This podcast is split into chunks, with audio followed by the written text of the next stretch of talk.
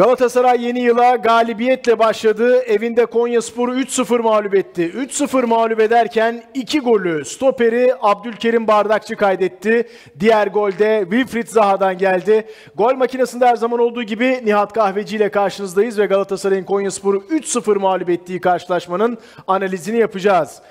Galatasaray'ın çok ciddi eksikleri vardı Nihat. Yani bu sezon belki de bu kadar eksik yakalandığı bir e, maç olmamıştı. Icardi, Oliveira, Torreira, Boy, Bakambu ve Ziyech bugün kadroda yoklardı ve biraz daha farklı bir kadroyla çıkmak zorunda kaldı. 3-0 kazanmayı başardı. Nasıl buldun Galatasaray'ı? Eksikler vardı ama oyun anlayışında bir eksik yoktu. Rakip kaleye giden, bol pozisyona giren, kenarları iyi kullanan, ofansif anlamda ortalar kesen. Bu arada da rakibe hem sağ beki olan Kaan'ın tarafından hem de sol bek Barış tarafından da pozisyon fırsatları veren bir Galatasaray vardı. Şimdi kolay değil. Saat 6'da e, Fenerbahçe'nin maçı bitti. 5 gol attı, penaltı kaçtı, direkten dönen toplar, bol pozisyonlar. Fenerbahçe rahatlamış bir şekilde Galatasaray maçına konsantre oldu. Taraftarlar da oturdu. Ama bu iş Galatasaray için birazcık daha sıkıntılıydı maç önünde. Senin de söylediğin gibi 7 tane eksik olunca ki bu eksikler de öyle böyle eksikler değil. Yani Torreira'dan bahsediyoruz orta sahada tek başına bir takım. Onun dışında ön tarafta son dönemlerde çok hareketsiz olsa da formsuz da olsa Icardi gibi bir isimden bahsediyoruz. Hadi Icardi yok Bakan buya şans doğdu. O oynarı bekleyen, sonradan oyuna girip katkı sağlayan Bakan bunun da Afrika Kupası'nda olduğunu düşündüğünde Halil'le başlıyorsun. İlk defa 11 başlıyor. Evet. Kolay iş değil. Beklentilerin çok yüksek olduğu bir maçtı. Ben Galatasaray'ın mücadelesine, e, rakip kaleye gitme isteğine, temposuna hiçbir şey demem. Barış Alper bugün 80 metre üzeri belki 7-8 tane depar atmıştır. İnanılmaz koştu, gitti, geldi. Ha, toplu oyunda şunu yaptı, bunu yaptı. Onu detaylandırabiliriz ama bir iki tane kritik müdahalesi var. Onun dışında Nelson. Yani ben burada hep söyledim. Davinson, Davinson döndüğünde oynar. Saymadık. Doğru. Evet, Davinson döndüğünde oynar. Oynayacak. Ama Nelson o kadar göz ardı edilebilecek bir stoper değil dedik. Bak bütün görevini yapıyor. Fenerbahçe deplasmanında da gol yemedi Galatasaray. O gün de iyi oynadı. Bugün bir iki tane çok kritik müdahalesi var. Galatasaray'da Ciro muhteşem oynadı. Kim? Ciro. O Galatasaray'da değil. Abi Ciro o sol ayakla vuruş Abdülkerim'in bir Ciro golü. Haksızsam haksız değil. Bana onu hatırlatıyor direkt. Evet, hani doğru. Tam Ciro'yu böyle bir Olivier düşün. Giroud, evet. Evet Olivier Ciro. Abi böyle bir şey yok. Ya Abdülkerim bu saçların böyle uğurlu gelecekse sana ben milli takım üzerinden konuşuyorum Avrupa Şampiyonası'nda bu saçlarla bekliyorum ben Abdülkerim'i. O nasıl bir ayak içi? Tertemiz bir Ciro golü yani net. Yalnız iki Kerem'den biri çok iyi oynadı. Hangi Kerem arkadaşlar? Cevabı Sormak istiyorum. çok basit Cevap herhalde. biraz kolay ama zor soru sormayı sevmiyorum. Yani Aktürkoğlu bak kaçırdığına hiçbir şey demem. Kötü vurursun out. Vurursun taça gider. Vurursun oradan vadiye gider. Kerem Aktürkoğlu kaçırdığına hiçbir şey demem. Çok kolay goller de kaçırıyor. inanılmaz goller de atıyor. Ama Halil orada topu kapmış, vermiş, çektin. Halil Dervişoğlu bomboş. Vereceksin orada. Doğru yapacaksın. Bunu eleştiririm. Bu biraz egoistliğe kaçıyor. Herhalde çıkacağını mı biliyordu? Son bir egoistliği yapayım, vurup gol atayım da öyle mi Okan Hoca beni alsın dedi. Oraları bilmem. Yanlışa yanlış bizde. Kerem biraz daha paylaşımcı olman lazım. Bu arada Zaha bir tane kesti altı pastan yine. Nasıl kaçırdı? İnanılmaz yani. Ya Kerem 30'dan vuruyor çatala. Kerem altı pastan vuruyor vadiye. Ya çok enteresan. Hep de diyorum.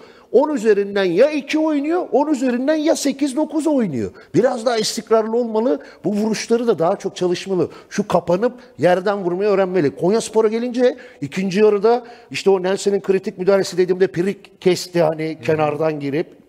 Önemli pozisyonda Muslera'nın yere çarpan topu çıkarması. Ya Muslera yani çok önemli ya. 0-0'da o işleri yapmak, 1-0'da o işleri yapmak takımı ekstra motive ediyor. Ha bugün Galatasaray tribünlerinde şunu gördüm. Konya Spor hani oyuna e, topu geç soktuğunda ıslığı anlarım. Ama bazı pozisyonlarda kendi takımdaki oyuncuların da bir an önce daha çabuk ileri gitmesini ister. Hatta bir Mustera elinde degaj yaptırttılar ona yani. Ve Evet. Muslera da dönüp sanki böyle Evet. bir sitemde bulundu gibi gördüm de yanlış da olabilir. Ama şöyle bir şey var. Rakibin ligde şampiyonluk yolundaki rakibin inanılmaz maç oynamış. Evet lig sonucuna karşı ama oraya hiç bakmam muhteşem oynadı. Ve sen bu kadar eksikle bu psikolojiyle ondan sonra çıkıyorsun. Maç dak- e, 62. dakikaya kadar Abdülkerim'in golüne ki Kerem Demirbay'ın da muhteşem ortası var orada. 62. dakikaya kadar 0-0 gidiyor ve maç 3-0 bitiyor. Ya Galatasaray'da kazanma alışkanlığı var.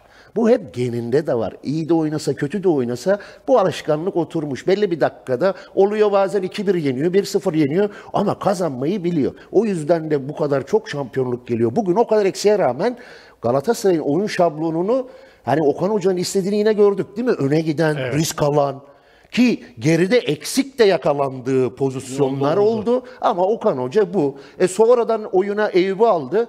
Bir dakikada asist yaptı.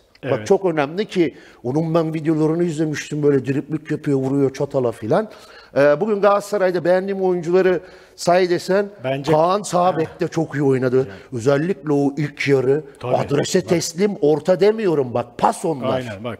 Dakika 15 Evet. Kerem kafa orta Kaan. Dakika 17 Kerem pozisyon orta Kaan.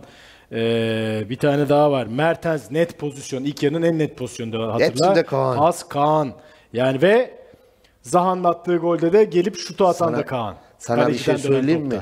Söyle. Böyle bir şut yok. Bak orada kaleci dışarıya tokatlayabilirdi. Bu arada Deniz'e ne Evet. diyelim. Maşallah kardeşim. Türkiye Süper Ligi'nde ilk 11'ine çıkıyorsun. İlk kez oynadı. Galatasaray'a karşı Galatasaray stadında bu kadar seyircinin önünde ve böyle bir performans. Maşallah diyorum nazar değmesin. Çok iyi bir kaleci. Bugün sol ayağıyla topu oyuna sokması, sağ ayağıyla çıkardığı top. Bak free kick. Kerem Demirbay'ın Evet. çıkardığı çok iyi. Zaha'nın şutu, şutu. ilk yarı çıkardı sağ elle. İyi. He, Kaan'ın şutu o kadar sert geldi ki dışarıya tokatlamaya çalıştı. içeri düştü. Orada da Zaha oyun görüşü, takipçiliğini, fırsatçılığını e, konuşturup gol attı. Onun adına da bu özgüven oldu. Çünkü Zaha hafif böyle bir, hafif değil bayağı bir yani performansı tartışılmaya başlandı. Çünkü beklentileri çok yüksek olan bir oyuncu. Bugün böyle elinden gelen bir şeyler yaptı. ve bu golle biraz daha moral kazanacak ilerisi maçlar için. Halil'in mücadelesini beğendim Ha, Dervişoğlu'nun. evet. Yani şimdi- Hareketli. Sonuçta bir kadroyu da ekrana getirelim. Konuşacağımız bence çok şey var. Birincisi ilk defa Halil 11 başladı. Şimdi Halil, Zaha, Mertens, Aktürkoğlu dörtlüsünü görünce şimdi Icardi'nin de son dönemdeki ne diyelim fiziksel olarak iyi durumda olmadığı için az hareketli olduğunu söylüyorduk. Halil de tam tersi bir oyuncu değil mi? Evet. Hareketli. Onu hissettirdi mi? Yansıttı mı? Yani aslında Halil tam bir santrforda değil. Sahte santrfor öyle deniyor false nine, sahte 9. Forvet O tarz arkası bir gibi, evet, oyuncu. evet. Oyuna nasıl bir etkisi oldu Halil'in varlığının? Ya çok fazla bir etkisi olduğunu söyleyemem ofansif anlamda. Ama mesela şimdi ufacık detaylar bakış açısını değiştiriyor. Orada topu kapıp Kerem'e verdiği pozisyonda Kerem Halil'e verdi. Halil gol attı. Bambaşka bir şeyler konuşulur. Ben o hareketini takdir ediyorum. Kendi de gidebilirdi. Gitmedi Evet. Kerem'e verdi. Biraz sürüp vurabilirdi sola yani. İlk yarıda bir pozisyondaki mücadelesine hayran kaldım. Ta Kendi kendi toptan 18'ine neredeyse oralara kadar, ortalara kadar gelip kendi kaptırdığı top mücadele kaydı, aldı. İki Orada kere kaydı. Seyirci de alkışladı. Bunlar önemli. Kötü koştu demem. Kolay değil. Icardi'nin yerine oynuyorsun. Beklenti çok yüksek. Galatasaray'da forvet oynamak en zor mevki ya. Bak 20 gol at, 21'i beklerler. 30 at, 31. golü. 40 at, 41'i neden atmadın diye eleştirilebileceğin bir mevkidir Galatasaray'da. Çok zordur Galatasaray'da forvet oynamak. Beklenti çok yüksek. Ofansif anlamda katkısı bence Halil'in gerçek performansından aşağı ama mücadelesi, defansa yardımını ben beğendim. Peki şunu soracağım sana. Şimdi Icardi Galatasaray'ın yaptığı açıklamaya göre bir süre yok. Gerçi o da bir, bir yani onu da iler programın ilerleyen bölümünde tartışırız. Şimdi Süper Kupa maçında oynama ihtimali varken aradan bu kadar gün geçtikten sonra e, bir oynamama ihtimalinden bir süre oynamayacak olması açıklandı. Hani değil mi? Yani süreç Evet. ilerledikçe insanın oynama ihtimalinin artması lazım. Tabii, tabii. Gal- Burada tam tersi oldu. O Şimdi- gün oynayacak mıydı acaba? Gitti Bilmiyoruz sonuçta. ama en evet. azından gitti. Değil mi? Aynen. Şimdi bugün kadroda da yoktu ama o gün Riyad'daydı. 11'de var mıydı, yok muydu, sonradan mı girecekti onu bilmiyoruz. Peki burada şimdi Bakan bu da yok Afrika Uluslar Kupası'nda olduğu için. Yani oyuncu özelliği olarak bu Galatasaray'ın ön hattında Santfor'a en yakın isim bana Zaha yani hiç oynamamasına rağmen fiziksel özellikleri nedeniyle de Zaha geçici bir süre 2 maç 3 maç işte ne zaman ne kadar ihtiyaç varsa Santfor oynayabilir gibi geliyor bana. Sen ne diyorsun? Oynamaz mı? Ya hoca konuşmuştur.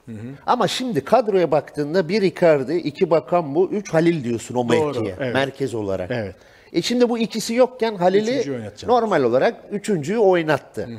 E Halil de forvet oynadı. Forvet arkası gibi evrilerek de oynadığı maçlar oldu. Normalde arkası dönük oynamayı da bilen. Etrafında çok çabuk dönüşleri var yani enteresan Onu bir bugün hiç oyuncu. göremedik, evet. Yok. Çünkü kalabalık Konya Spor Evet. o işin Geniş o- alan lazım evet, ona biraz. Geniş alanda onları daha iyi yaptı.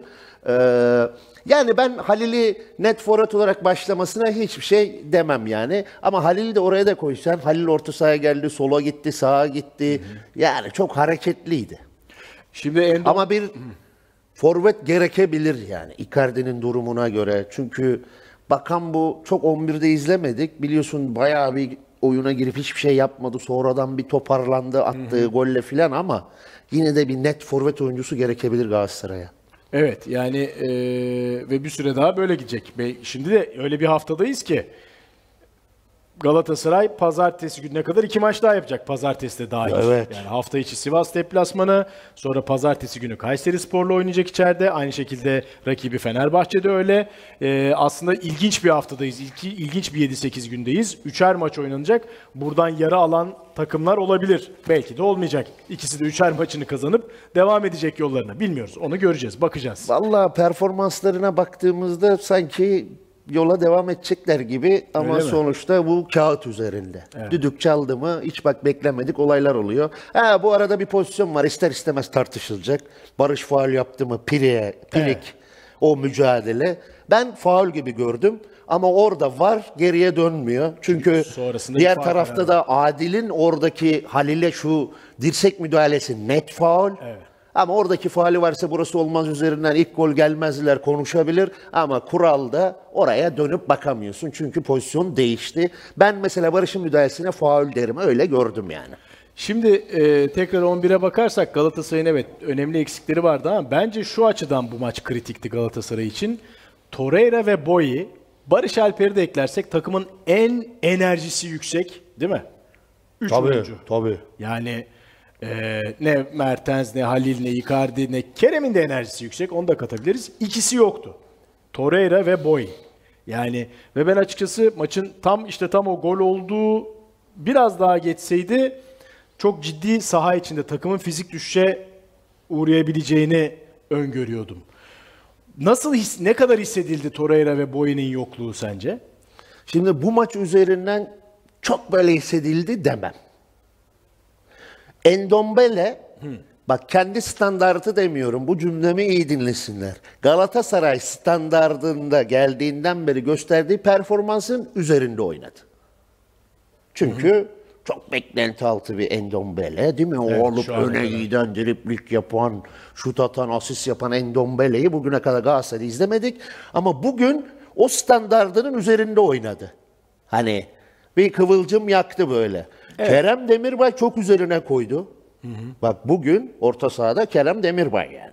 Çok iyi oynadı. Torreira'nın yokluğunda ikisi de bir ekstra enerji koyma e, çabası gösterdiler sanki. Gösterdiler. Gösterdiler. Fizik gücü el verdikleri sürece gösterdiler. Kaan Ayhan'a tabii ki Boğa'ya döndüğünde Boğa oynayacak ama bugünkü maçta hiç aratmadı. Tabii. Sahne ilk yarı çıkıp tane pozisyonu var ya. nokta atışı paslar, o Zaha'nın golü öncesi vurduğu şut, sahadaki duruşu, sakinliği. işin defansif tarafında tabii ki Boğa'ya kadar katkısı olmadı. O ayrı. E, Barış da o konuda ama Barış'a da hiçbir şey diyemeyiz. Çok iyi niyetli mücadelesini yapıyor sol bekte. Da- Sol bekte oynuyor bir bakıyor sağ önde top kapıyor. Kornerlerde de hoca çabuk diye onu onu koyuyor. Koyuyor. O konularda da iyi müdahaleler yapıyor. Ama Nelson Abdülkerim uyumu çok iyiydi. Rakip geldiğinde Konya Spor özellikle Oliveira ile geldiğinde e, oralardaki müdahalelere hem Nelson hem Abdülkerim'in defansta çok iyiydi. Abdülkerim öyle bir şeye evrildi ki artık ofansta da inanılmaz işler yapıyor. İkinci gol omuzuna çarptı ama o ilk goldeki klas vuruş sonra o golü de getiriyor. İşler yolunda gitti mi omuzuna çarpar, dizine çarpar, kulağına çarpar gol olur. Abdülkerim de bugünkü performansıyla demek ki o ikinci golü hak etmiş ki her şey yolunda gitti o topta. Eyüp çok iyi kesti. Öyleydi ama Galatasaray kulübüsüne baktığında zaten bir Evet. numaralı girecek aday Tete'ydi. İkisi de Çünkü diğerleri diğerleri hep 2-0'dan Ayhan Akman geninden gelen Ayhan Akman'ın iki çocuğu, neredeyse torunu, abisi olsa abisi. Hani kulübe Akman. Tribünde de Ayhan Akman. aynen. Yani onlar vardı. Hoca da zaten 2-0'dan sonra dikkat ediyorsan 3 Üç tane oyuncuyu soktu genç oyuna. oyuncuyu da oyuna aldı. Ya Galatasaraylılar şu an mutlu. Ama 62'de gol geldi. O dediğim bölümde bir 10 dakikada gol gecikse orada seyircinin şeyi devreye girebilirdi. Hafif panik başlayabilirdi. Gol o yüzden çok kritik dakikada geldi. Hani son yarım saatte gelince. Bence şu açıdan da çok kritikti. Aslında Galatasaray böyle 50-55'ten sonra oyundan düşmeye başladı gibi sanki. Konya Spor daha çok atak yapmaya başladı. Galatasaray kalesini tehdit etmeye başladı. Evet. Yani oyun olarak geriye doğru giderken buldu golü. Çünkü- o açıdan çok kritikti bence. Doğru işte o dakika çok önemliydi. Çünkü Galatasaray ikinci yarının böyle 70'ten sonra bir 10-15 dakikalık bölümde bir düşüş oluyor fizik olarak. Bunu Şampiyonlar Ligi maçlarında gördük, ligdeki zorlu maçlarda gördük. Buna fırsat verilmedi. O Abdülkerim'in Ciro'nun muhteşem golüyle buna fırsat verilmedi. Ya şimdi Kerem Kerem'in şöyle bir bazı vuruşlarına bakıyorum. Bir de Abdülkerim'in bu attığı gole bakıyorum. hani hangisinin son vuruşu daha iyi? Biri stoper. Yani Kerem'e de haksızlık etmek istemiyorum da bugün üzerinden ya çok kötü vuruşlar yaptı ya. Hani nasıl bu kadar kötü yapabiliyor? Sen her maç oynuyorsun. Hocan sana güveniyor. Ha Okan Hoca bugün Kerem'e çok sahip çıktı ha Aktürkoğlu'na. Top kaptırıyordu, kötü vuruyordu, dönüyordu, tribüne alkış alkış diyordu. Stat'takiler varsa yazsın doğru mu değil mi? Ben çok gördüm kenarda. Haydi haydi alkışlayın falan diyordu böyle. Yani işte o Kerem'in üst üste gol atamadığı uzun bir periyot oldu Evet. ya orada çok homurtular oldu. Hafif yuhalamalar. Yuhalama demeyeyim de homurtular oldu daha Oldu. çok takım kazandığı için. Ee, o yüzden Okan Hoca Kerem'in her kaçırdığı golden sonra bir tribünleri bir Dest- bastırmaya çalışıyor. El freni çektirip amanı sıklamayın maç 0-0 morali bozulmasınla hep alkış istedi. Ben onu gördüm kenarda Şimdi kulübede. biz kadroda Kerem'i sağa, Aktürkoğlu'nu sağa, Zaha'yı sola yazmışız ama ilk 11 öyle başlamadılar. Zaha sağda, Kerem Aktürkoğlu. Hani bu da hep konuştuğumuz konulardan biri. Ya bu Zaha hiç sağda oynamaz mı kardeşim diyorduk kendi kendimize Evet. değil mi? Ee, çünkü orada bir üst üste yapışma, örtüşme veya Zaha ile Kerem'i aynı anda oynatabilmek için Kerem'i forvet arkasına koyma gibi pek çok deneme yaptı Okan Hoca. Ben benim gördüğüm Zaha sağda da oynayabilir. Ya oynaya çünkü Bugün gösterdi Değil oynayabileceğini. mi? Etkili oldu. Evet. Şutu var. Bir iki çizgiye inişi var. Ortaya çevirdiği Kerem Aktürkoğlu'na verdiği Evet, pas var. Yani evet. hani hiçbir şekilde Zaha sağ kanatta oynamaz ve verimli olmaz gibi bir imaj vermedi bana. Bu anlamda da bir kazanç oldu Okan Hoca için. Zaha'nın sahadaki performansını gördü. Sağ tarafta Evet. oynadığı performansını gördü. Özellikle o ilk yarıda attığı şut. Evet. Dediğin gibi ikinci yarıda Kerem'e çıkardığı top altı pası. Kerem'in kaçırdığı o Aktürkoğlu'nun. Ya bunlar demek ki o tarafta da iyi işler yapabileceğini gösteriyor yani. Ama bence Kerem sağda oynayamaz. Şundan dolayı Galatasaray oyunu o kadar sağdan kuruyor ve ilerletiyor ki. Değil mi? Evet. Yani bugün yine Kaan'ın dört tane pasından bahsediyoruz. Ee, şimdi Kerem'in olayı ne? Koşularla ceza sahasına girerek pozisyonla buluşmak. Oyunun kurulumunda değil. Çünkü pas kalitesi yüksek değil Kerem'in. O yüzden Kerem sahada oynadığı zaman bu sefer Galatasaray oyunu öne taşımakta, sağ kanattan o geliştirdiği olgun atakları geliştirmekte de zorlanır. Zorlanıyor. Doğru, doğru. Zaha sağ önde Kerem'den çok daha iyi Heh, oynar. e, güzel kıyas. Kerem de sol tarafta oynamalı yani. Evet. Bu arada sen bir şey unuttun bence ya. Evet arkadaşlar. beğenileri alalım. Bakayım beğenilere. 1100 beğeni varmış zaten. Bazıları artık otomatik beğeniyor sağ Ama olsunlar. seni bekliyorlar arttıralım onu arkadaşlar. abone olmayanlar abone olun. Valla lig Fenerbahçe yendi. Galatasaray da yendi. Avaraj'da Fenerbahçe lider. Galatasaray ikinci böyle devam ediyor şu an. Öyle görünüyor yani. Yani, Şimdi devam 18 ediyor. maçta 15'er galibiyet oldular. Puan durumunu bakarken onu detaylandırırız. Ee, Endombele ile ilgili şöyle bir yorum var. Rilus diyor ki Endombele daha fazla şans almalı. Dikine harika. Evet bugün 3 ya da 4 kere o aslında bizim bildiğimiz ve hani beklentiler olan driplinglerini yaptı. Yaptı. Ee, pas yüzdesine de baktım şimdi 57-53 %93 pas isabeti. Basit oynadı, Hata yap- akıllılık yaptı. İlk yarıda bir kritik top kaybı yaptı. Pozisyona tam dönüşmedi. Dönüşüyordu. Dönüşmedi. Bir de akıllı bir iş yaptı. Yeri geldi 6 numara pozisyonunda Nelson'la Abdülkerim'in arasında çok girdi. Oradaki alıp vermelerinde de bu isabet oranı çok arttı hani. O yüzden bu kadar pas isabet oranı var. Ama dediğim gibi Galatasaray'daki belki en iyi maçını oynadı geldiğinden beri. Tabii şimdi hatırlarsan Fenerbahçe İstanbul Spor maçı Fenerbahçe'nin de ciddi eksikleri vardı ve şu yorumu yaptık. Hani görece fikstürde bu kadar eksikle en kolay rakiplerden biriyle oynadı. Belki de birincisiyle lig sonuncusu olması itibariyle. Galatasaray'da bu kadar eksikle eee, görece daha zayıf bir rakibe yakalandı. Yani Konyaspor'da son 4 maçta sadece bir galibiyeti var. Hani bugün ne bileyim Kayseri Spor'la oynamak, Trabzonspor'la oynamak, başka bir takımla oynamak daha zorlayıcı olabilirdi Galatasaray'ın. Çok o söylüyorum. çok doğru söylüyorsun. Ee, Biraz fikstür şansları Deniz, oldu. Deniz performansı Konya Spor takımını bugün daha iyi gösterdi. Ama Konya Spor'da bir oyuncu var, Moreno. Evet. Değil mi? Adı Carlos. Marlos. Marlos. Marlos Moreno. Ya bir tane pozisyonda Ne gitti değil mi? Zaha, TT, Barış, böyle Endombele girdim işin içine tam hatırlamıyorum. Baya böyle ipe dizdi dersin ya. Endombele'ydi galiba. Hatta Olabilir. Faul vardı Evet. da hani ayakta kaldı devam etti. Böyle hani bireyselde adam eksilten falan yetenekli bir oyuncu yani. Bugün o iyi oynadı ama ona eşlik edilemedi çok. E Galatasaray deplasmanında da çok pozisyona giremezsin. Girdiğinde değerlendireceksin. Konya Spor o şansını da değerlendiremedi. Hani 60. dakikaya kadar Konya Spor'un iyi gözükmesindeki en önemli faktör bence kaleci Kale- Deniz'di Şimdi yani. bak onunla da Gerçekten ilgili oydu. Seren bana bir chat özeti atıyor, e, paylaşıyor. Diyor ki Konya Spor kalecisi Deniz çok beğenildi. Galatasaray ve milli takım için nasıl olur diye soruluyor. Şimdi tabii hani Muslera şu anda Galatasaray'ın kalecisi ama hani yaşı nedeniyle bir sene daha oynayacak mı, oynamayacak mı, ne kadar kalacak belli değil. Galatasaraylar hep bir Muslera sonrası ne olacağı düşünüyorlar doğal olarak. Ne diyorsun? Mustera sonrası yine yabancı bir kaleci olur. Bak doğdum dualı Galatasaray'da bak Simovic'ler Evet. iyi kaleciydi. Tafarel. Tafarel. Değil mi? Mondragon. Mondragon. Muslera zaten, Zaten- 13, 13 sene. Bak bu dört isim ve dördü de yabancı. Ve uzun yıllar bu kaleyi korudular ve iyi korudular. Bundan sonrası da aynen bu tarz isim uzun yıllar oynayacak bir yabancı kaleci gibi olur gibime geliyor. Çünkü yani Türk kaleci hep oynayacak diye koyduklarında ben ona acırım yani. Çünkü bunların yaptıklarıyla hep kıyaslanılır. Kolay değil Galatasaray kalesinde Şu de oynamak. Türk kaleci görmüyorsun anladığım kadarıyla. Şu an yok. Olanlar başka yerde Ha, zaten. evet tabii canım. Hani oynama adayları başka yerlerde oynadığı için. Evet.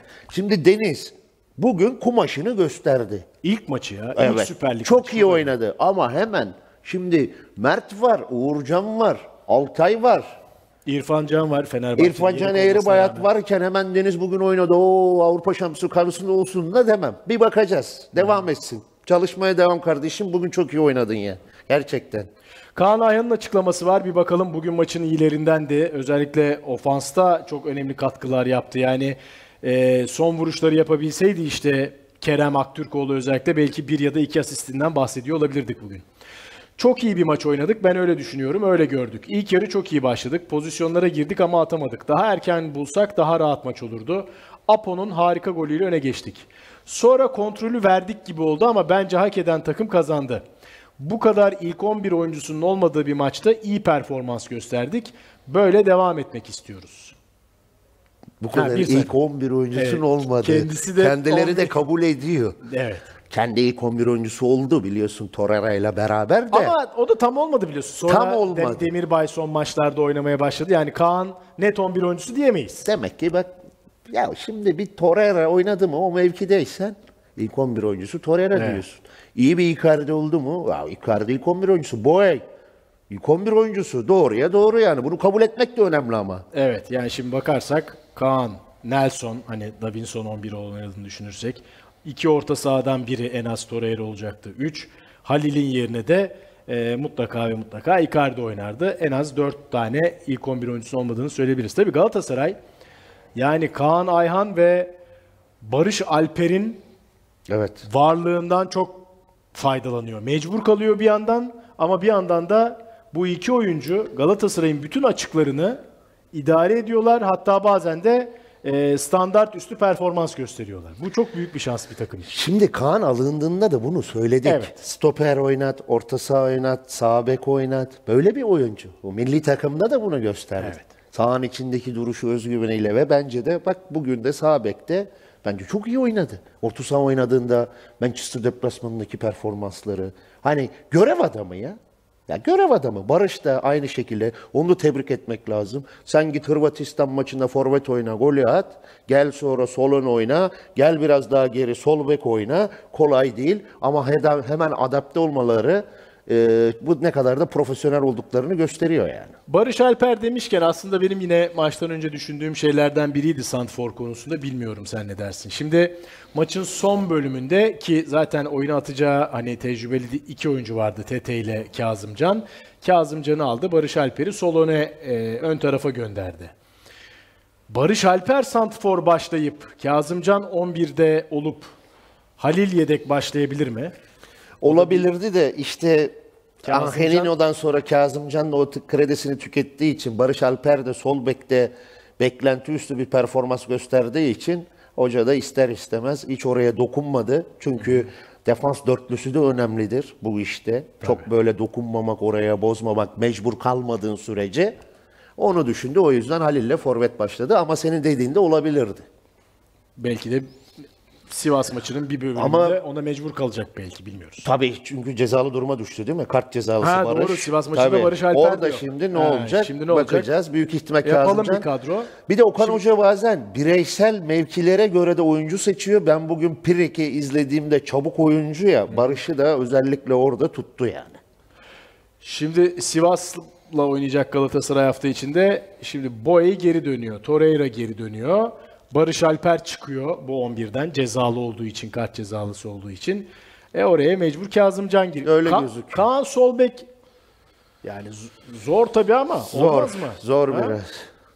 Abdülkerim'den onay alsa Abdülkerim oynar sol bek. Ya onun da Bozmaz, Solbek başladığı bozmaz. maçlardaki performansı hani son 10 dakikalar 15 dakikalar idare etti ama Solbek 11 başladığı maçlar 90 çok da performans vermedi. 90 dakika zor yani onun orada sol bek Bence oynaması. Kaan da düşünebilir ha sol bekte. Şimdi Torreira ve Boye geldiği için Kaan'a orta sahada veya sağ bekte ihtiyacı kalmıyor. Evet. Şimdi Vallahi işin içinde Okan Hoca varsa Barış Evet. Alper'den sol bek yaptı. oluyorsa- başka birinden de bir şey çıkarır. Belki Kerem Demirbay'ı bile koysa şaşırmam yani. sol ayakla hani. Tabii çok çok zor Evet, ihtimal. yok, Bu tabii. arada hani Okan Hoca'nın değişikleri üzerinden şey yapıyorum. Kaan da oynayabilir yani. Neden olmasın? Evet. Ferdi ters ayakla oynamıyor mu orada? Bak yıllardır şu an Türkiye'nin en iyi sol beki oldu yani. Aynen. Değil mi? Peki Torreira girince kim gider? Endombele herhalde değil mi? Öyle. Kerem'e Kerem dokunamaz. Demirbay iyi oynadı bugün.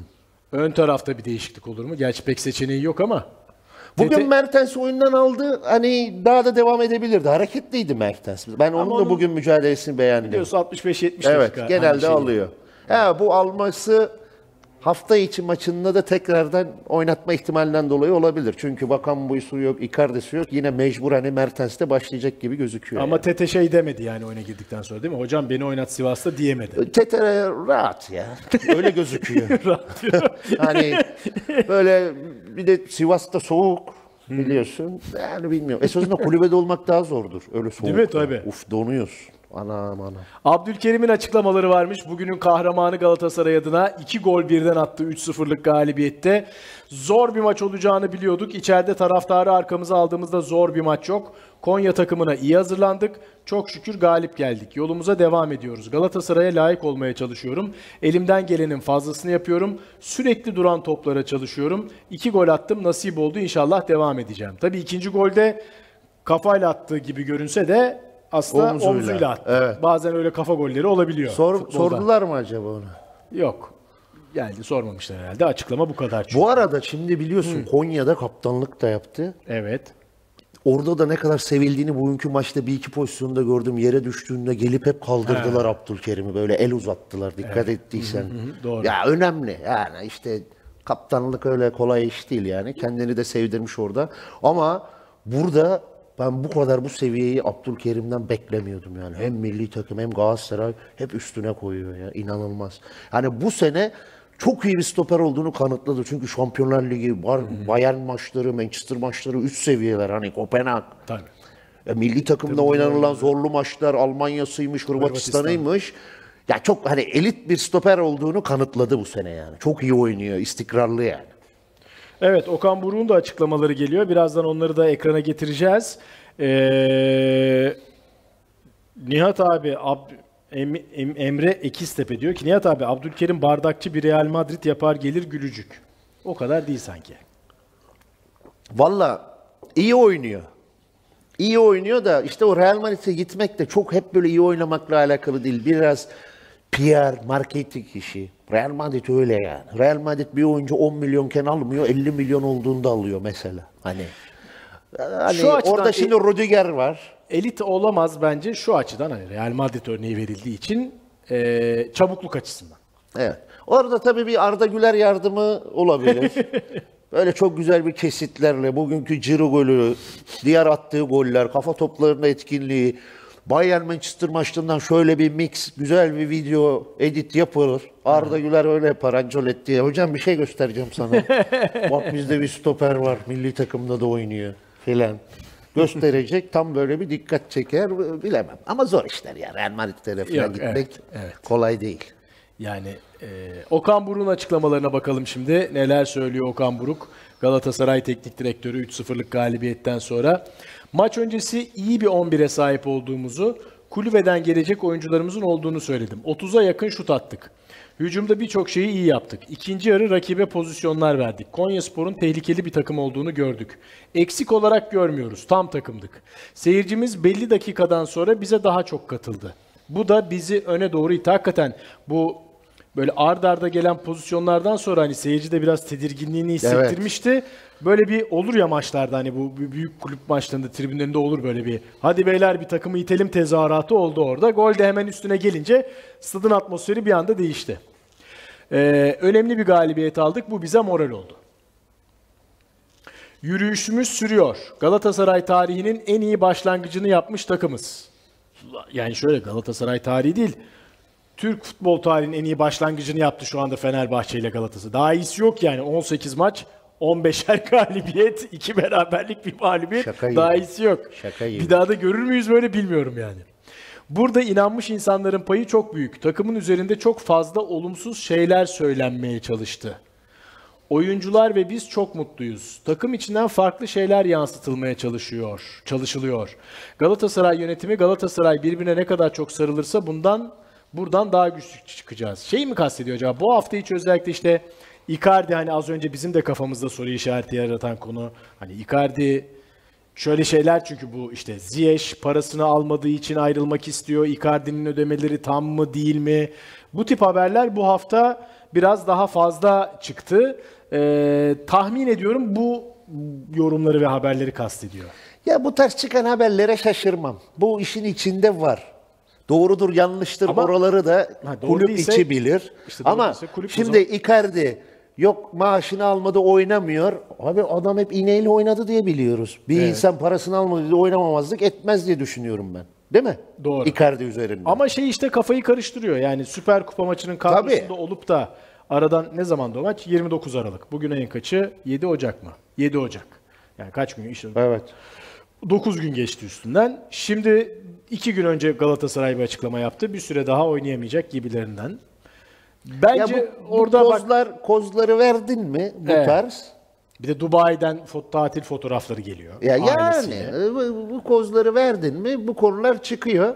İşte zaten büyük takım teknik direktörlerinde buraları da yönetmek var. Okan Hoca bu sınavı geçen sene zaten yaptı, geçti. Şu an çok daha tecrübeli. Düşünsene yani iki tane şampiyonluğu var şimdiden. Hem Başakşehir'de hem Galatasaray'da. tabii, tabii, evet. Hani inanılmaz. E, Türkiye Kupası var. Akhisar'da bak bu işler kolay iş değil. Başakşehir'deki şampiyonluk. Akhisar'la Türkiye kupa. Kupası almak bu işler kolay işler değil yani. Tabii. E Galatasaray'da da kanıtladı kendini. Hadi büyük takımda şampiyon olur mu geçen sene. Buraları en iyi yönetebilecek teknik direktörlerden biri. E bu süreçleri de zaten şu anki açıklamalarıyla yönetmeye başlamış. Bugünkü oyundan da memnundur zaten. Biz de söyledik. Hakikaten çok bir kere demiş ki çok şut atın. Bak bunu şundan da demiş olabilir. Kaleciden bir teknik dolayı tabii. İlk defa oynuyor. Bizim statta kolay mı? Evet. Kaleyi gördüğünüzde vurun çekinmeyin demişti. Çünkü Abdülkerim bir ara bir baktım 35'ten vurmaya çalışıyor. Değil mi? Barış vurmaması gereken yerde 30'dan Yani vurmaya çalışıyor. Ceza Kerem sahası- kaç tane şut attı Demirbay? Ceza sahası dışından 1 2 şimdi maç golün şeylerine bakıyorum. 1 2 3 4 5 6 tane şut görünüyor burada ceza sahası dışından. Yani çünkü dersin normal. Evet. Çünkü ilk defa oynuyor. Ama o da bir o kadar karşılık verdi bütün şutlara. Kaan'ın şutu hariç uzatmalarda. Devam edelim. Buradan güçlü çıkacağız diyor Okan Buruk. Erdem Bey sürekli yanımızda. Bizi karıştırmaya çalışacaklar. Bunu net gördük. İçeride sarılıyoruz. Bunu dışarıda da göstereceğiz. Bu o bölüm böyle. Yani haberler üzerine Okan Hoca'nın açıklamaları böyle. Biraz daha oyuna dönüyor sonra. Endombele ilk yarı topu öne taşıdı. Rakipten toplar kazandı. Pozitif geri dönüş aldığımız oyunculardan oldu. Kaan Ayhan farklı bölgede oynadı. Çok başarılıydı. Transferlerden hemen bir etki göstermelerini bekliyoruz. Ama Evet. şimdi Cengiz Ünder için de bunu söyleyebiliriz. Eleştiri vardı 4 gol attı. Yapıcı olmalıyız. Hemen etki etmelerini bekliyoruz. Bazen az şans geliyor. Transferlerin ne kadar iyi olduğunu zaman içerisinde gösteriyoruz. Transfer üzerinden de bizi yıpratmaya çalışıyorlar. Endombele, Kerem Demirbay, Wilfred Zaha kendini gösteriyor. Şimdi evet ama Ya değil mi? şimdi- burada biraz söyleyeceğimiz bir şeyler Şimdi var bu gibi. konuda geldi benim söyleyebileceğim başlar ilk üç hafta ya eleştirirsin okeyim. Hani bir zaman verelim. Ama şu an 6 ay geçti. Evet. Yani. O yüzden genel üzerinden beklentileri karşılamayan isimleri eleştirirsin. Buraya Tete'yi, Ziyech'i ekleyebiliriz. Ekle. Gerçi hayır. Şu an Okan Buruk olumlu tarafından bakıyor. Endombele. Kerem Demirbay ve Zaha kendini gösteriyor şimdi- diyor. Şimdi Okan Hoca ile şöyle otursak. Hiç kamera diyor yok, hiçbir şey yok. Ya hocam hakimden beklediğini aldın mı? Tete'den beklediğini aldın mı? Endombele'den beklediğini aldın mı? Angelino'dan beklediğini aldın mı? Doğru. Zaha'dan beklediğini aldın mı? Hani yaptıklarını burada o anlamda sundular mı desek aldım demez. demez. Demez yani değil mi? Yok. Ya normal.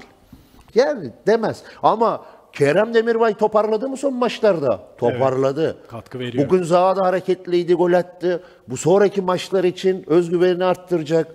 Cengiz olayı ama işte Cengiz de eleştirildi hocam. Heh. 15 milyona verildi. Hiçbir katkısı yok denildi.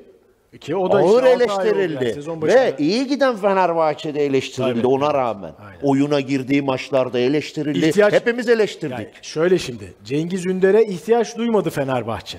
ha? Duyup muyum? kötü olsaydı Ama Galatasaray ihtiyaç duydu. Evet. Çünkü tam oturmuş bir kadrosu olmadı. Ziyech'e ihtiyaç duydu. Endombele'ye ihtiyaç duydu. Angelinho düşün işte şu anda Barış Alper oynuyor. Evet. Yani eksik parçalar kaldı Galatasaray'ın 11'inde. Bunlar normal hani. Eleştiriler normal. Hakaret olmadı. Peki şimdi e, bitti galiba değil mi Okan Buruk'un açıklamaları?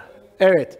E, şöyle ben de bu konuyu sana getirecektim. Tam da madem transferlerden de açıldı konu. Okan açıyor, Okan Hoca açıyor konuyu.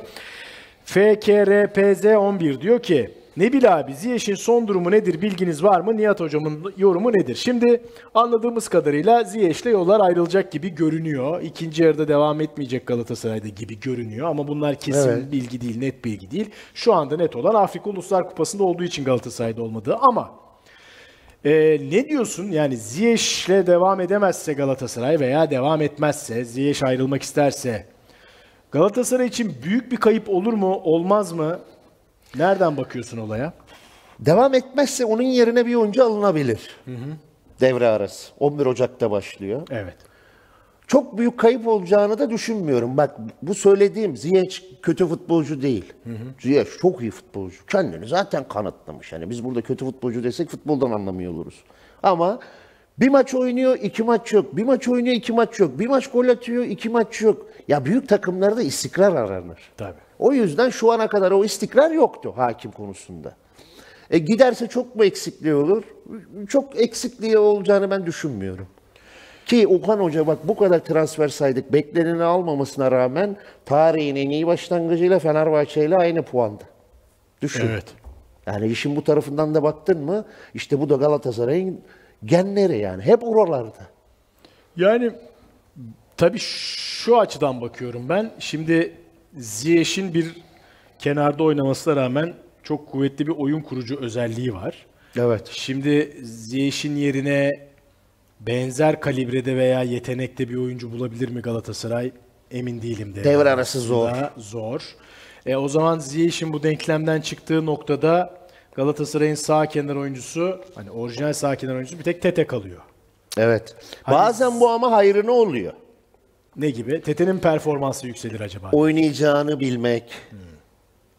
Elbet bir maçta iyi oynarsın sonra özgüvenle bambaşka bir hüviyete bürünürsün. Cengiz örneği bak Fenerbahçe'de neredeyse beş buçuk aydır yok.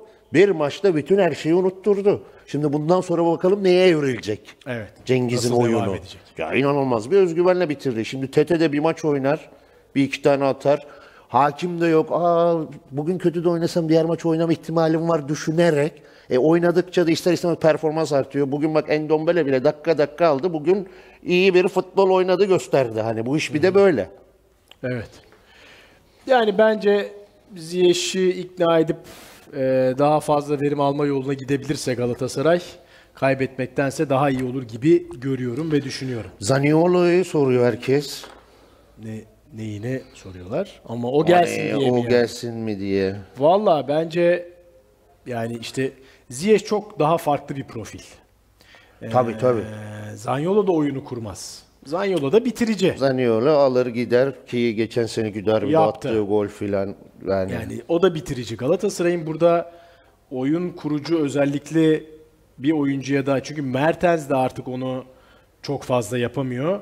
Böyle öbür türlü Galatasaray set oyunda zorlanıyor. Ee, Ziyech veya Ziyech vari bir oyuncuya mutlaka ihtiyacı var gibi düşünüyorum ben Galatasaray'ın. Veya o tipte yani o özelliklerde.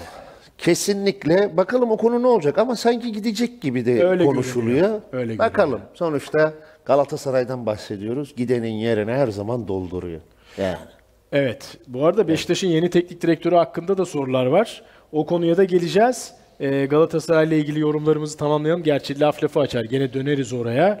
Ee, Mehmet Aydın, Icardi'nin olmaması bence iyi oldu. Çünkü son haftalarda hep beklenti Icardi'nin bir an önce gol atması üzerine kuruluydu. Icardi, Icardi'siz tüm oyuncular sorumluluk aldı. Yani Icardi varken diğerleri daha mı az sorumluluk alıyordu? İşte Galatasaray'da Var mı sence böyle? Galatasaray'da forvet oynamak. Diyoruz. Boşuna demiyoruz. Bak yorumlara. Icardi yokken şimdi ön taraf daha hareketliydi filan derler. Ama mesela bu yorumları yapana genelde ki bazıları hayır diyebilir. Bir Beşiktaş maçı var. Bir Fener maçı var. Bir Trabzon maçı var. Kim oynasın forvette desen ne kadar kötü olursa da olsun Icardi derler hani. Yani işte o da başka bir şey. Yani. Ama düşüş var mıydı? Vardı. Ama bize aktarılan süreç ne? İğneyle oynuyor, itman yapmıyor, maça çıkıyor. Bu uzun vadede sıkıntı yaratabilir dedik yani. Evet. Yani Çünkü böyle devam etmez yani. çünkü depoda vardır, kullanırsın, kullanırsın ama o depoya tekrardan koymadın mı depo bitti mi enerjin biter. Yani Çünkü orada- itman öyle bir şey. Milli takım arasından sonra aslında daha fit bir dönüş yani bekleniyordu ama o da olmadı. O da öyle olmadı. Evet. Okan Burun bir cümlesi daha varmış. Oyuncularımız hata yapsa bile alkışlandı. Bugünün en güzel yanlarından biri buydu. Sen alkışladın Bence hocam. hocam oyuncular her hata yaptığında ilk sen alkışladın ve döndün tribünlere de alkışlayın dedin. evet. Bunu sağlayan Doğru mu? Okan, Stat'tan kimse yok mu? bunu sağlayan bence de Okan Hoca'ydı. Bence de bence. Okan Hoca o konuda bayağı Okan Hoca orada- emek verdi. O anlamda biraz Diego Simeone'ye benzetiyorum Okan Hoca'yı. Yani Simeone de bayağı tribünleri de yönetir ya maç içinde. Böyle enerji düşükken bir ayağa kaldırır. İşte birine kızarlarsa onları susturur veya o atmosferi değiştirmeye çalışır. Okan Hoca da tribünle bayağı böyle Evet. içli dışlı bayağı onları yönetmeye çalışıyor. Ya o Simeone kaç senedir Atletico Madrid'de? Benim bildiğim kaç? 12-13 oldu rahat. Oldu. Geçti belki Ar- 14-15 de Turan'ın- oldu. Arda Turan'ın Atletico'ya transferini Simeone yapmamıştı. Ee, o sezonun içinde Simeone gelmişti. Hiç durmuyor. Dediğin gibi tribünlerle oyuncusuyla ısır. Kendisi futbolcu evet. biliyorsun ısırıyordu. O Beckham'la olayı var biliyorsun. Attırdı onu kırmızı kartla. Garibanın Beckham'da. Vatan haini ilan edildi. Garibanım Çok ama gariban. o halleri o halleri zorluydu ya o süreçleri Evet, izleyince canım. kolay değil. Eşine bütün İşte- İngiltere'de bütün statlarda küfürler falan filan. Tabii yani. işte- Hain ilan edildi. 90 dakika oynuyorlar. İşi değil o. Hele milli takım formasındaki yaptığın hatalar filan. Bak dışarı çıkamıyordu yani. Tabii, Gördün. tabii, evet. Zor işler. Orada bir Simeone'nin payı var yani. Orada bir Var, kırmızı var. kartlık durum yok. Ama Okan Hoca zaten Okan Hoca'nın futbolcunu da bilen bilir. Böyle korsa 90 dakika durmuyor. Yani bir göğüs genişliği, ciğer. O nasıl bir koşu diyordum yani. Çünkü çok karşılıklı oynadım. Beraber de oynadım milli takımda. Onu şimdi sağ kenarında o enerjisini veriyor. Bugün dediğim gibi her hatada tribün alkış alkış yapın. Top kayıplarında hani atılan şutlarda hep alkış alkış yapın dedi yani. Yunus Kurtuluş da Dybala demiş hani sağ ön Ziyech giderse bilmiyorum öyle bir durum Dybala. var. Evet. Ama o Dybala neredeydi? Roma'da mıydı? Dybala bayağı bir Juventus, Roma. Roma. Tabii biz de yakında Google gibi olacağız. Herkesin nerede olduğunu. Endombele'nin de açıklaması varmış. Bir Endombele'ye de bakalım. Ee, genel olarak iyi oynadığımızı, maçı domine ettiğimizi düşünüyorum. Her maçın zor olacağını biliyoruz. 3 puan almak önemliydi. Kerem Demirbay'la iyi oynadık. Kaliteli oyuncularımız var. Benden istenen neyse her maçta onu sahaya yansıtmaya çalışıyorum. Her maç sahaya yansıtmaya çalışıyorsun ama yansıtamadın. Bugün yansıttın hani. Evet. Bugün Yansıtmaya fena yaklaştım. değildi. Evet, bugün fena değildi. O da zaten farkında bugün daha iyi oynadığını. Kerem'le de uyumlu gözüktüler hani bu arada. Şimdi ligin 18. haftasını geride bıraktık. Aslında ligin ilk yarısını hafta içi bitireceğiz. O erteleme maçlarıyla. Bir puan durumuna bakalım. Yani zirvede tabii değişik bir durum yok. Zirvede yine Fenerbahçe ile Galatasaray 47'şer puan. Vallahi dile kolay 18 yani 54 puanın 47'sini aldılar. Ee, tabii aralarında bir averaj gol farkı var. Yani Fenerbahçe şimdi Galatasaray bugün 2 gol atarak o 3 gol atarak 35 yaptı. Ee, Fenerbahçe'nin 49 golü var. Ee, yedikleri goller farklı biraz. İnanılmaz bir tablo var Fenerbahçe Evet. Galatasaray arasında. Yani iki takım arasında lig gidiyor. Keyif alıyoruz. Benim tek üzüldüğüm bu kadar puan topladılar, bu kadar gol attılar. hı. iyi maçlar izlettirdiler. Birbirlerine karşı sıfır futbol çıktı. Hani benim tek üzüldüğüm konu bu ya. Gerçekten yani. Ya nasıl o kadar kötü oynamayı başarabildiler? Aklım almıyor hala. O kadar iyi oldukları için Yani herhalde. sizin alıyor mu? Hani şimdi bak diyorsun. Baksana artı 34 avaraj Fenerbahçe. Aynen. Artı 26 avaraj Galatasaray. Ki bunlar attıkları yedikleri bir de kaçırdıklarını düşün. Ne pozisyonlar net. Sadece Kerem artı 10 avaraj daha yazdırırdı Aktürkoğlu. Kaçırdıklarıyla. Diğer tarafta da Fenerbahçe'de. E, Ceko'dan da Ceko, Ceko şu an 13 golü mü var? Ceko'nun 20 golü olsa neden oldu demezdim. O kadar pozisyon kaçtı. Aralarından hiçbir şey çıkmadı aralarında oynadığı maçta. Ya bu, bu acı verici. Böyle bir sezon başlangıcı tarihi bu kadar puan topla arandaki maçtan sıfır futbol. Bunu nasıl başardınız ya? Ligdeki maçı söylüyorum çünkü Süper Evet, Kupa'da evet. oynanmadı, ya. Oynanmadı. Bakalım o da ne zaman Artık oynanacak. futbol nerede bile oynanacak? isyan etti ya.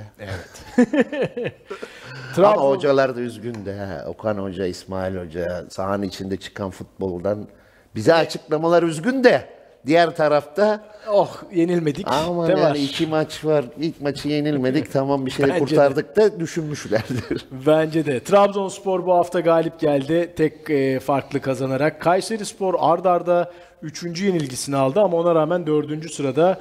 Kays, e, Rizespor bu hafta kazandı. Beşiktaş malum Kasımpaşa'ya yenildi. Bu arada Beşiktaş'a gelmişken puan durumuna döneriz. Fernando Santos'u çok soruyordu izleyicilerimiz. Şimdi Beşiktaş bugün sürpriz bir açıklama yaptı. Çünkü pek o kadar çok izim yazıldı ki herhalde 12-13 tane teknik direktör yazıldı. En son dün gece e, Van Bronckhorst olmadıktan sonra e, Cuma gecesi Lucescu'ya gidiliyor denildi. Hatta Samet Aybaba Lucescu ile görüşecek denildi.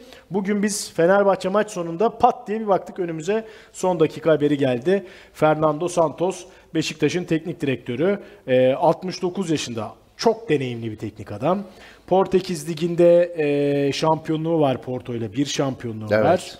E, Sporting'de çalıştı, Benfica'da çalıştı. E, Yunanistan'da çok çalışmışlığı var. O da ilginç.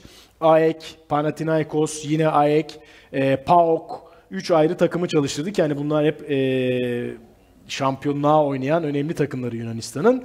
Ve 2010 yılında Yunanistan'ın başına geçti. 2014'e kadar Yunanistan'ı çalıştırdı. Sonrasında uzun bir Portekiz milli takım var. 2014-2022. Orada Euro 2016'yı kazandılar.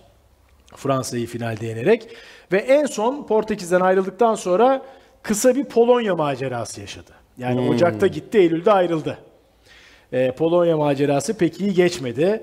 Ee, yani çok kariyerli, çok önemli bir teknik adam. Ne diyorsun Fernando Santos'un? Şimdi isme hiçbir şey demem. CV'ye hiçbir şey demem.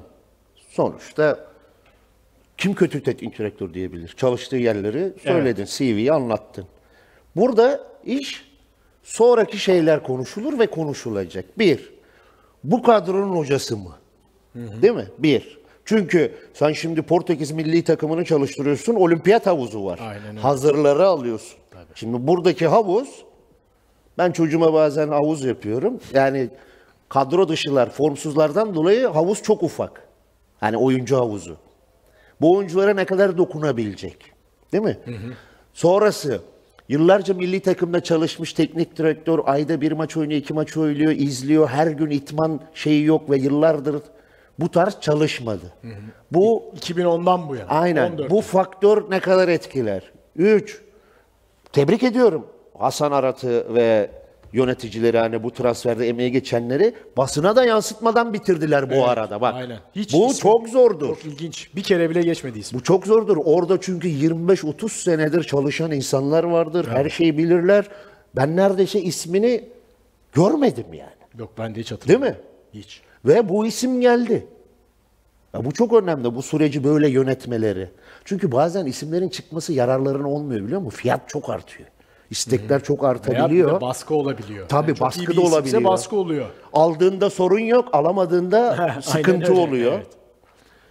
Hayırlı olsun diliyorum ama sadece hocaya getirmekle o ekibi roman gibi isim bir kitap gibi hani ilk sayfasını dolduran yardımcı teknik direktör isimleri var dörderli beşerli. Evet. Onları getirdiği için tebrik ediyorum ama sadece teknik direktörü buldun, yardımcılar ekibi getirdiğinde Beşiktaş'ın işi düzelmeyecek. Zaten farkındalar. Transferler de önemli. Hocanın da şeyi geniştir oyuncu alabilecek profili o da sunacaktır. Muhakkak. Beşiktaş'ın hayrına alabileceği oyuncuları alma konusunda yardımcı olacaktır, iletişimde bulunacaktır. Ama bu sene birazcık gelişme. Hani birden gelir gelmez üzerindeki bence baskıyı almaları lazım. Bak burada da iletişim önemli. Biz hocayı geldik buradan bu son maça kadar bütün maçları şimdi kazanacağız edeceğiz filan havasına bürünülmemeli. Güzel açıklamalar yapılmalı. Hoca geldi projemiz şu üzerinden. Şimdi mesela feda sezonu denildi değil mi? Taraftar şey bekledi mi şampiyonluk? Hayır. Bazen iletişim Trabzonspor bir ara Evet. Doğru. Değil mi? Doğru. Başkan geldi. Biz dedi bir dedi borçları düzelteceğiz. Sonra şampiyon olacağız ve olundu. Bu mesajları da verdiğinde biraz beklentiyi düşürüp seneye de hazırlanabilir. Ama Türkiye Kupası hedef Beşiktaş'ta alınması gereken bir bölüm. Fernando Santos- İsim iyi yani. Fernando Santos'ta feda sezonu olmaz. Yani O- bu sezon yok. şampiyon olma ihtimali yok tabii de. e, evet. Yani Ama oyuncular alıp havayı değiştirir. Seri galibiyetler alırsın. Yeni sezon için herkes daha da umutlanır. Ama şöyle bir şey var. Türkiye Süper Ligi'ni ne kadar tanıyor, oyuncuları ne kadar biliyor, rakipleri ne kadar biliyor o konuları bilemeyiz. Ki bilmediğini düşünüyorum ama bu devirde de bilgiye çok kolay ulaşıldığı için şimdi- bir haftada oturuldun mu da her şeyin farkında olursun hangi yani. yabancı teknik direktör gelse aynı şey. Evet. Yani tabii, Lucescu'yu tabii. saymıyorum. Aynen. Ama yani Türkiye'de çalıştığı için. İşte Van Bronckhorst da gelseydi öyleydi. Evet. Conte de gelseydi aynı sorunu yaşayacaktı. O- Ha. Şimdi aklıma geldi konuştuk geldi? diye hani ilk ismini duyduğumuzda da söyledik. Cristiano Ronaldo gibi bir adamı Evet. Kulübeye koydu. Ve Cristiano Ronaldo'nun en çok sinirlenici ortamda Dünya Kupası'nda. Bak bunu yapmış bir teknik direktör az çok karakterinin ne olduğunu gösteriyor. Bana göre yanlıştı. O ayrı. Cristiano Ronaldo yedek oturmaz.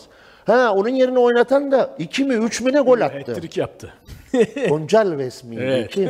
Değil mi? Aynen. O ayrı. Ama o kararı veren bir teknik direktörde bir otorite vardır derim. Kolay değil Cristiano Ronaldo'yu oturtmak. Benim gördüğüm kadarıyla yani e, ben benim açıkçası olaylara bakışı ve futbola bakış açısından sonuç odaklılığı açısından beğendiğim bir teknik direktör. E, hani Portekiz'de de hiçbir zaman çok iyi futbol oynatmadı. Euro 2016'yı kazanırken bile Portekiz çok Evet. göze hoş gelen bir futbol oynatmadı. E, ama e, bir taktik ustası olduğunu söyleyebiliriz. E, rakip analizi üzerinde uzmanlaşmış olduğunu söyleyebiliriz. Belli bir metod üzerine takılmış değil, pragmatik davranan bir teknik direktör. E, şimdi bu noktada Beşiktaş'ın bu tarz bir teknik direktöre mi ihtiyaç vardı? Yoksa daha metodik, yeni bir şey kuracak bir teknik direktöre mi ihtiyaç vardı? Bu da tartışılabilecek bir şey. Ee, Yunanistan'da çalışmış olması bence bir avantaj. Yani Yunan Ligi ile Türk Ligi aynı demek istemiyorum ama hani Hırs. biraz bakış açısı, atmosfer yani işte şimdi Fatih'in maçlarını izli- taraftarları izliyoruz. bağlılığı. Niye seyircisiz oynanıyor maçlar? Hakemlere yapılan saldırılardan dolayı seyircisiz oynanıyor. Yani anlatabiliyor muyum? Benzer yanlarımız var ya. Var, çok var. Ee, onlarda da çok sık teknik adam değişikliği yaşanıyor vesaire. Bence bu da bir avantaj olabilir. Hani adaptasyon konusunda biraz işini kolaylaştırabilir anlamında söylüyorum. Ee, ama hani bir şeyi yeniden inşa etmekse o isim Fernando Santos mu? Ondan çok emin değilim. Yani Fernando Santos bence şöyle bir teknik adam. Ya elinizde iyi bir kadro var ama taktiksel bazı problemler yaşanıyor. Yeterli değil teknik direktörünüz. O zaman gel Fernando Santos hani bu takımı dokunuşlarınla, taktiksel dehanla farklı bir yere taşı ama yeni bir şey kurma konusunda çok emin değilim açıkçası. Hani sen şey diyorsun Van Bronckhorst biraz daha şey İnşa isimdi. etme konusunda evet. olabilir. Ama tabii şu anda hani Beşiktaş Çünkü nasıl farklı tarz çalıştılar. Evet. Milli takım hazır aldı. Diğeri Evet. alabileceği kısıtlı şeylerle kadroyla bir yukarı Bir de çıkardı. tabii altyapı geçmişi de var. Doğru, Fan doğru. Bronckhorst. Bilmiyorum. Ben Ama ama bir ala- Beşiktaş'ın senin- burada stratejisi ne olacak? İşte burada başkan ve işte Samet abi, Feyyaz abi aldık tamam bok isim. Bak bir şey söyleyeyim. Şuradan da bakmamız lazım. Dört tane teknik direktör gitti. Evet. Bak dört tane. İşte şunu da düşündüler. Artık öyle bir isim getirelim ki kendi imajımız içinde Beşiktaş'ın o adına yakışır bir isim getirelim dediler ve o yüzden de direkt bence gittiler. Belki bu kadar yeni takım kuracağız, şöyle olsunu filan düşünmeden. Anladım. Biz şu yangını bir söndürelim hani. Çünkü Olabilir. yangın var ya yani. Çok Var, kötü oynuyor. Öyle bir isim düşündüler ve getirdiler. İsim öyle isim bak gerçekten. Evet. Tabii İsme hiçbir şey demezsin ama stratejik olarak doğrudur yanlışlar onları zaman gösterecek. Gösterecek. Eline verecekleri oyuncu yapacakları transferler ya onlar gösterecek. Evet yani çünkü artık yani şimdi teknikte Beşiktaş yönetimi yeni ve genç bir yönetim. Daha şurada bir aylarını doldurdular mı? Doldurmadılar. 13 Aralık mıydı seçim? 13 Aralık'tı galiba değil mi? Yanlış hatırlamıyorsam öyle bir şeydi. Evet. Daha bir ay olmadı. Yok, 13 Evet, Aralık doğru, miydi? doğru. 12 3 ile 13'tü. Ha, öyle bir Evet. şeydi galiba. Veya ha, 3 Aralık mıydı? Neyse ya bir ay yeni oldu diyelim. Önemli değil. Teknik direktörün gelmemiş olması üzerinden şu anda çok eleştirilmeye başlanmıştı Beşiktaş yönetimi. Bir de çıtayı da yukarıya koyduğu için başkana sağlar. Hansi Flick. Ben şimdi şey videoları çok dolaşıyordu sosyal medyada. Neydi? 200 küsür ülkede 10 dakikada açmayacağım kapı yok. Tabii. Şimdi bunları söyledikten sonra e, insanlar bu veya bu kariyerde bir teknik adam beklediler. İşte o Doğal yüzden okey yani. Evet. Açtı yani. Açtı. Kapıyı açtı. Ya açtı. Çünkü o eleştiriler başladı dediğin Baş- gibi. ama başlamaz hani mı? herkese ulaşıyordunuz dedi. O takımlarla anlaşmalar yaptınız. Fotoğraflar paylaştınız. Bak oyuncu alacağız dediniz. Oyuncu almayı 11 Ocak'tan sonra göreceğiz. Evet. Bir de o da beklenecek şimdi. Yani transfer dönemi biliyorsun. İstediğin kadar borcun olsun, istediğin kadar oyuncun olsun. taraftar ister. Bekler, Taraftar aynen. ister, bekler. Hayırlısı olsun. Evet bakalım. Ee, İşi zor. zor. Zor. Şimdi şeyle ilgili şimdi bugün ne? Pazar. Beşiktaş Perşembe oynuyor değil mi? Perşembe herhalde takım başına olacak bugün açıklandığına göre. Perşembeyi pas geçmez herhalde. Ne zaman geliyor falan onları da takip edeceğiz. Yani işte ne kadar imzalandığı önemli. Evet. Bir buçuk yıl mı? Bir buçuk yıldan fazla sözleşme. mı? Onu görmedim Ben- ben. ya. ben de Tabii bir denk bugün hep gelmedi. sürekli maç izlemek ve yayında olduğumuz için çok iyi de takip edemedik. Bir buçuk yılmış evet. Oğuz Bir, şimdi. bir gözüme Zaten bir- şey geldi. Ne? e, sosyal medyaya bakarken öyle bir açıklama var mı bilmiyorum arkadaşlara TT'si. Tayfur'un come to Cristiano filan. Come to Beşiktaş yani Cristiano şeyi paylaşımı filan yaptım bilmiyorum. Öyle bir şey geldi. Tayfur- Ha, Tayfur, ha. o ilginç paylaşımlar yapıyor biliyorsun. Geçen de bir tepki Yapıyor, aldı. yapıyor. Genç Beşiktaşlı futbolcu da yaptığı. Come to Beşiktaş Cristiano yazmış. Cristiano Yazmış mı? Fernando San- kendi resmi hesabı mı? Doğru mu? Ee, öyle diyor Oğuz. Hadi Fernando bakalım. Santos'un olduğu yere gelir mi Tayfur. bilmiyorum. Yok sosyal medyada bir paylaşımın altına yazmış. Neyse. Ama yazmış işte. Yazmış, yazmış. Çağrıyı yapmış Tayfur. Evet. Seviyor o çağrıları Ha arkadaşlar. bu arada ben Beşiktaş Perşembe oynayacak dedim. Özür dilerim ya. Beşiktaş Salı oynayacak. Bu hafta Salı, çok yoğun Rize bir hafta. deplasmanı. Doğru doğru. Perşembe Galatasaray oynuyor. Çarşamba da Fenerbahçe oynuyor. Doğru. Puan durumuna geri dönelim o zaman. Böylece haftayı da tamamlayalım. Ee, Adana Demirspor 28 puanda. Kasımpaşa bu hafta aldığı 3 puanla 26'ya yükseldi. Sivasspor yeni teknik direktörü Bülent Uygun uzun zamandır Süper Lig şeyinde yoktu. Ee, piyasasında yoktu. Geri döndü ve ilk maçında galip gelmeyi başardı. Alt sıraları da şöyle bir göz atalım hep beraber. Tabii İstanbulspor 5 bu. Artık İstanbulspor için çok bir şey söylemeye Çok gerek zor. yok herhalde Evet, değil mi? evet. Yani Çok ama diğer tarafta da bak Pendikspor 15 puanda, Alanyaspor 21 puanda. Yukarı çıkalım tekrar. 24. Alanya Spor'a kadar Yani şu an yani Alanya Spor'a kadar her şey olabilir. hatta fazlası bak ben sana söyleyeyim. Şimdi Şimdi Sivas Galatasaray değil mi? küme düşme hattı 18 puanla başlıyor Samsun Spor'la 17. O- Samsun Spor 18 puanda. Yani şöyle diyeyim sana. Beş, Beşiktaş 29 puanda. Hadi onu geç. Adana Demirspor 28 puanda. 10 da geçtim. 8. Kasımpaşa 26 puanda. 8 puan var arada yani. 3 maç seri yakalamak bambaşka bir yere getiriyor. evet. Bütün tabloyu değiştirebiliyor. Abi puan durumu falan çok enteresan ya. Dediğin gibi hani 7. sıra 8. sıra Kasımpaşa'dan aşağı kadar her şey olabilir gözüküyor Evet, yani. Bir galibiyet gelen kaç sıra atlıyor. Aynen öyle. Yani ligin zirvesi belli aynı puanda. Yani bu kadar kopma da normal değil yani. Trabzonspor'da Abdullah Hoca ile bir çıkışa geçti. Öyle ya da böyle bu 1-0'lar önemlidir Abdullah Hoca'da biliyorsun. Evet. Yemeden kazanılan galibiyetler. İlk geldiği dönemi hatırla hani. Bunu inşa etti ilk önce gol yemeyelim mi? Bir toparlanma var. Hani geldiğinden beri 2 puan üstü ortalamayla da puan topluyor ligde. Evet. Bak 3. sıraya kadar geldi. Şimdi orada da çok net bir Evet. üçüncülük hedefleri var tabii. Hani ilk ikiyi zorlayamazlar ama. Kayseri'nin Sivas'a içeride 3-1 yenilmesi o bir bence haftanın, Haftanın flash skorlarından biriydi. Valla güzel ya. Hatay kötü gidiyor Volkan Hoca'nın yönetiminde. İyi O da başladı. Şöyle bir açıklama yaptı. Hani biz belli ki artık alt sıralara Evet. oynayacağız gibi bir açıklama yaptı. Orada Yani iyi başladı. Sonrası da bir o kadar kötü gitti yani. O da çok enteresan. Kolay değil ya. Hani yani yaşanılandan sonra orada yani deprem felaketinden sonra kolay işler Son değil 10 yani. maçta sadece bir galibiyet var. O da biliyorsun Galatasaray'a karşı. Ya bir tane kardeşimiz maşallah Ha, ne oldu? 57 tane Nihat Kahveci'nin beğendiği en güzel golü hangisidir? Ha. E söyle o zaman. Hüseyin. Öyle de bitirelim. Valla Senin genelde Çek Cumhuriyeti diyorlar hani dakikası anlamı hani bana onu diyorlar yani. estetik olarak Çok var ya. işte tamam sence hangisi? Şimdi Çek Cumhuriyeti maçı yani boş kaleye yuvarlamış olsan da anlamı çok büyük. Çünkü Estetik olarak. bizi gruptan çıkaran gol. Ta 18 yaşında Moskova deplasmanında bir golüm var. Orta sahadan Geçen UEFA paylaşmıştı. falan, evet. Yıkılmıyorsun. Bayağı seni Aynen, indirmeye aynen. çalışıyorlar falan. Biraz kuvvetliydik. Evet. Kılmıyorduk. o gol enteresan ya. Sol ayakla bir de çok Evet, sol ayakla atıyorsun. Ama baktığında çok güzel golü var ya. Porto golü filan. Levante'ye bir golüm var 40 metre. Görmeyenler bir girsin. Top gözükmüyor falan ip gibi. Baya güzel goller var ya. Var var. Gerçekten. Var. Peki.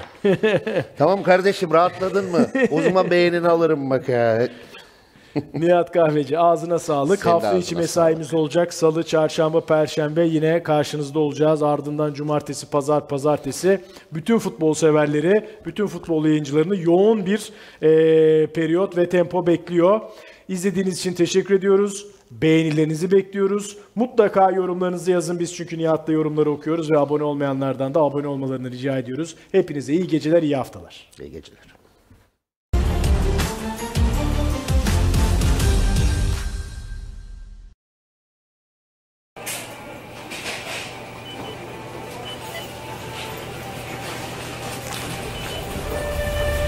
Gördüklerine inanmakta zorlanıyorsun artık.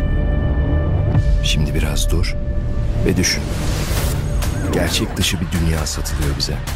Ana sahnenin illüzyonla boyandığı, gerçeğin sadece fonda kaldığı bir dünya.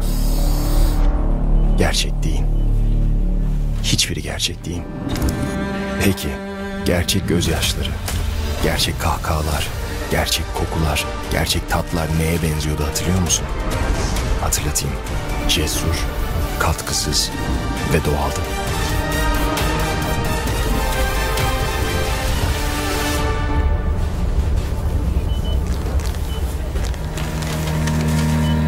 Züber. Gerçek atıştırma.